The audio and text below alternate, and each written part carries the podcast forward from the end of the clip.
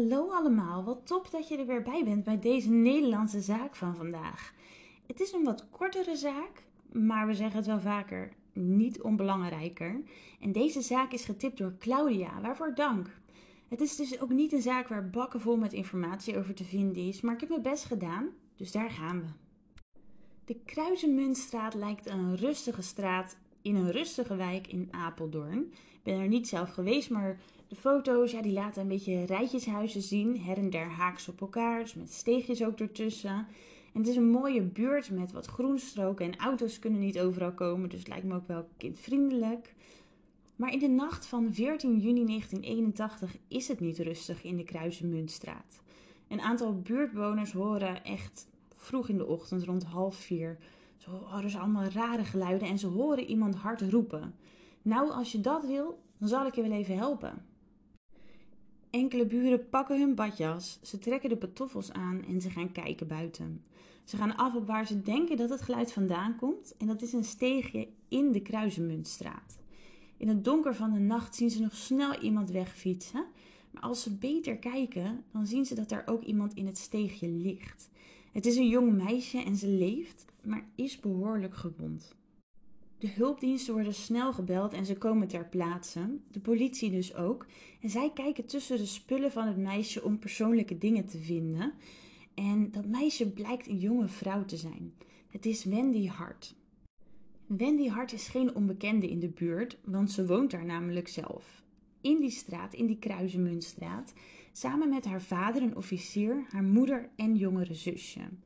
Wendy is een dame van 19 jaar. Ze heeft een bos met rossig of rood haar.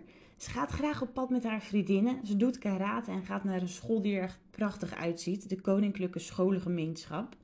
Ze doet daar het ateneum en ze zit in de leeftijd dat mensen examen gaan doen. En wat doe je als je examen hebt gedaan en je bent geslaagd? Juist, dan vier je feestjes. En dat was dus ook wat er eerder die avond was gebeurd. Wendy was met een groepje van in totaal vijf meiden op pad gegaan. Eerst naar een theater, toen nog naar wat kroegen. En het clubje was rond half drie weer gaan fietsen richting huis. En voor Wendy was dat een flink stuk en het laatste stuk moest ze dus ook alleen fietsen. En ze kwam in haar straat aan, maar ze redde het niet naar binnen, want daar lag ze dan, zwaar gewond in die steeg in het donker. Wendy wordt naar het ziekenhuis gebracht, het Juliana ziekenhuis. En nou, ze wordt daar ook gehouden. En ze wordt in coma gehouden. Want haar verwondingen zijn zodanig erg dat dit waarschijnlijk de enige juiste keuze was. Nou ben ik geen arts, maar Google zegt... als je in coma bent, dan ja, wordt de ernstigere schade wordt beperkt. En het weefsel kan zich hopelijk wat gaan herstellen. Nou, en er was dus een hoop te herstellen. Wendy, haar traanbuis was beschadigd. Had een hersenschudding en een scheur in haar schedel. Maar ondanks dat iedereen echt, echt op het beste hopen gaat, het gewoon niet beter met Wendy. In die cruciale dagen na de aanval wordt haar situatie niet beter, maar slechter. En vijf dagen na die aanval komt ze dan ook te overlijden. Terwijl de familie een behoorlijke klap te verwerken heeft, start de politie een onderzoek. Eerst was dat er eentje naar mishandeling, maar die veranderde natuurlijk met de dood van Wendy in eentje voor doodslag. Uit het sporenonderzoek en verklaringen van getuigen lijkt het alsof Wendy achtervolgd is door een andere fietser. En vlak voor ze thuis aankwam en ze was al in haar eigen straat, ja, werd ze van haar fiets getrokken en op haar hoofd geslagen, met waarschijnlijk de intentie tot aanranding of meer. En ze zijn hiervoor op zoek naar een man van tussen de 30 en 40 jaar oud met een korte jas. Uit de autopsie op het lichaam van Wendy blijkt dat er wel ook echt flink gevochten is. Vergeet niet, die, die stoere meid deed aan karate en daar had de dader geen geluk mee. Want waarschijnlijk was hij zelf her en der ook wel toegetakeld met een paar rake klappen.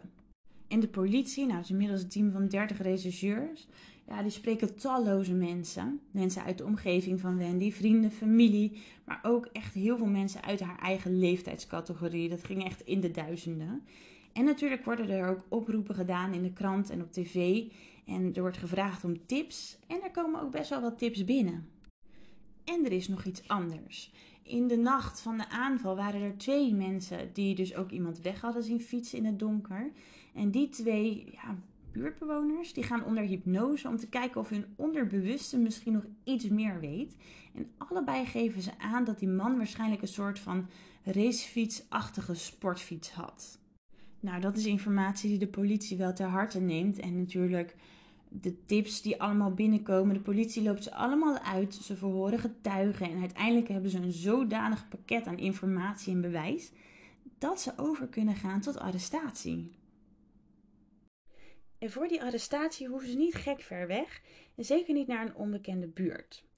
Het gaat namelijk om iemand die niet ver bij Wendy vandaan woont. Sterker nog, ze had op dezelfde school gezeten, al was hij er wel eerder van afgegaan. Nou, de politie gaat dus richting het huis van die verdachte, die was trouwens militair van beroep. Hij wordt gearresteerd en als ze dat dan doen, dan zien ze dat hij behoorlijk wat verwondingen in onder andere zijn gezicht heeft. En met zijn bedoel ik in dit geval de 19-jarige Robbie, die dus als verdachte wordt gezien in de zaak van Wendy. Nou, Robbie wordt meegenomen. De politie die begint met een huiszoeking. En ze vinden dan bebloede kleding en een lange rode haar. En jawel, een sportfiets. Een alibi heeft Robbie wel, maar die zit niet echt sterk in elkaar. Vastgesteld kon in ieder geval worden dat hij die dag ook aanwezig was. Ergens daar in die buurt waar Wendy ook aan het stappen was. Misschien hadden ze zelfs gepraat. En ze waren in ieder geval zodanig bij elkaar in de buurt dat ze uit dezelfde richting kwamen om naar huis te fietsen. Robbie ontkent, glashard. Hij zegt zelfs, nou ik weet niet waar dit gebeurd is, daar ben ik echt nog nooit geweest. Maar als hij dan mee wordt genomen voor een reconstructie, ja, dan verwachten ze eigenlijk niet echt veel van hem. Maar toch loopt hij feilloos zo in één keer naar die plek waar die aanval is geweest. En dat is opvallend. Dus nu zou je kunnen denken, ladies and gentlemen, We've got him. Maar er waren ook een aantal dingen die met een raar woord in het voordeel van Robbie spraken. Want die verwondingen, ja, hij was die avond zelf in elkaar geslagen, mishandeld of had gevochten.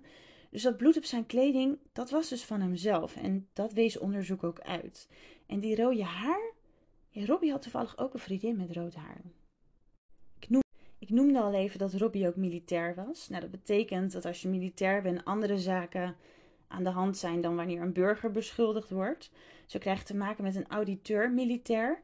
Dat is een soort van militaire jurist en die houdt zich bezig met het adviseren van militaire commandanten en het vervolgen van militairen die verdacht worden van strafbare feiten. Het is dus iemand die van alles weet over het civiele recht en het militaire recht.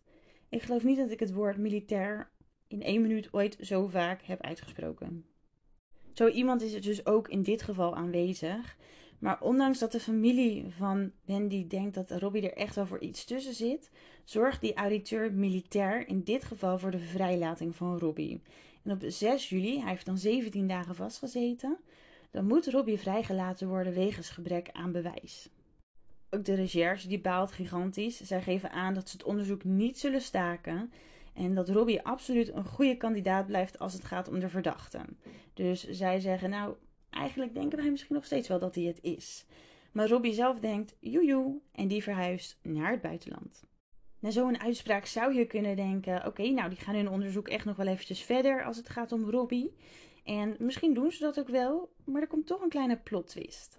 Op 17 juli, dus 11 dagen nadat Robbie vrij is gelaten, wordt er iemand anders gearresteerd in deze zaak. Het is een Belgische jongen van 18 jaar en die heeft al een strafblad. En daar staat onder andere de mishandeling van een meisje op.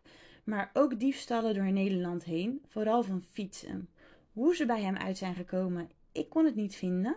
Maar wel is duidelijk dat hij weer snel op vrije voeten komt. Want hij was ten tijde van die aanval namelijk helemaal niet in de buurt. Wendy zou anno 2023 61 jaar zijn, maar ja, ze mocht niet eens de spannende leeftijd van 21 meemaken. Geen studie doen, niet nog meer feestjes vieren, want dat werd er allemaal bruut afgenomen. En door wie dat gebeurde, dat weten we vandaag ook nog steeds niet. En van dat soort zaken word ik altijd een beetje verdrietig. Niet omdat het erger is dan een ander slachtoffer als je niet weet wie het gedaan heeft. Maar wel omdat er zo weinig over te vinden is. Er zijn zaken die je met enige regelmaat in de krant tegenkomt. Ook geen garantie voor een oplossing, maar het is toch anders of zo. Deze zaak voelt een beetje vergeten en dat lijkt me heel erg verdrietig voor de familie. Dat wil natuurlijk niet zeggen dat er achter de schermen niks gebeurt. Hè? Dat weet ik niet. En ik hoop het wel, vooral voor de familie. En deze zaak is nu verjaard, maar dat is ook juridisch gebied. Dus hoe mooi zou het zijn als er toch nog antwoorden komen. Dus daarom, Claudia, dank je wel. Jij had hier zelf een link mee en bent hem daarom niet vergeten. En hopelijk weten onze medezwartdrukkers nu ook wat meer te herinneren als ze de naam Wendy Hart voorbij zien komen. En voor wie luistert, nou, stuur een beetje positiviteit de richting van Wendy's familie op, want uh, dat is wel het minste wat we kunnen doen.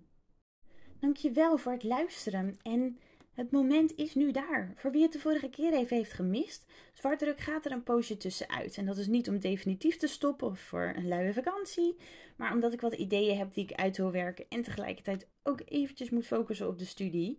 Ik hou jullie op de hoogte en als je je abonneert, dan krijg je ook een bericht als we weer gaan beginnen. Blijf in de tussentijd vooral mailen met suggesties of voor wat dan ook. Dat mailadres blijft gewoon actief en uh, I'll be back. Hey, fijne dag, geniet ervan en maak er wat moois van. Doeg!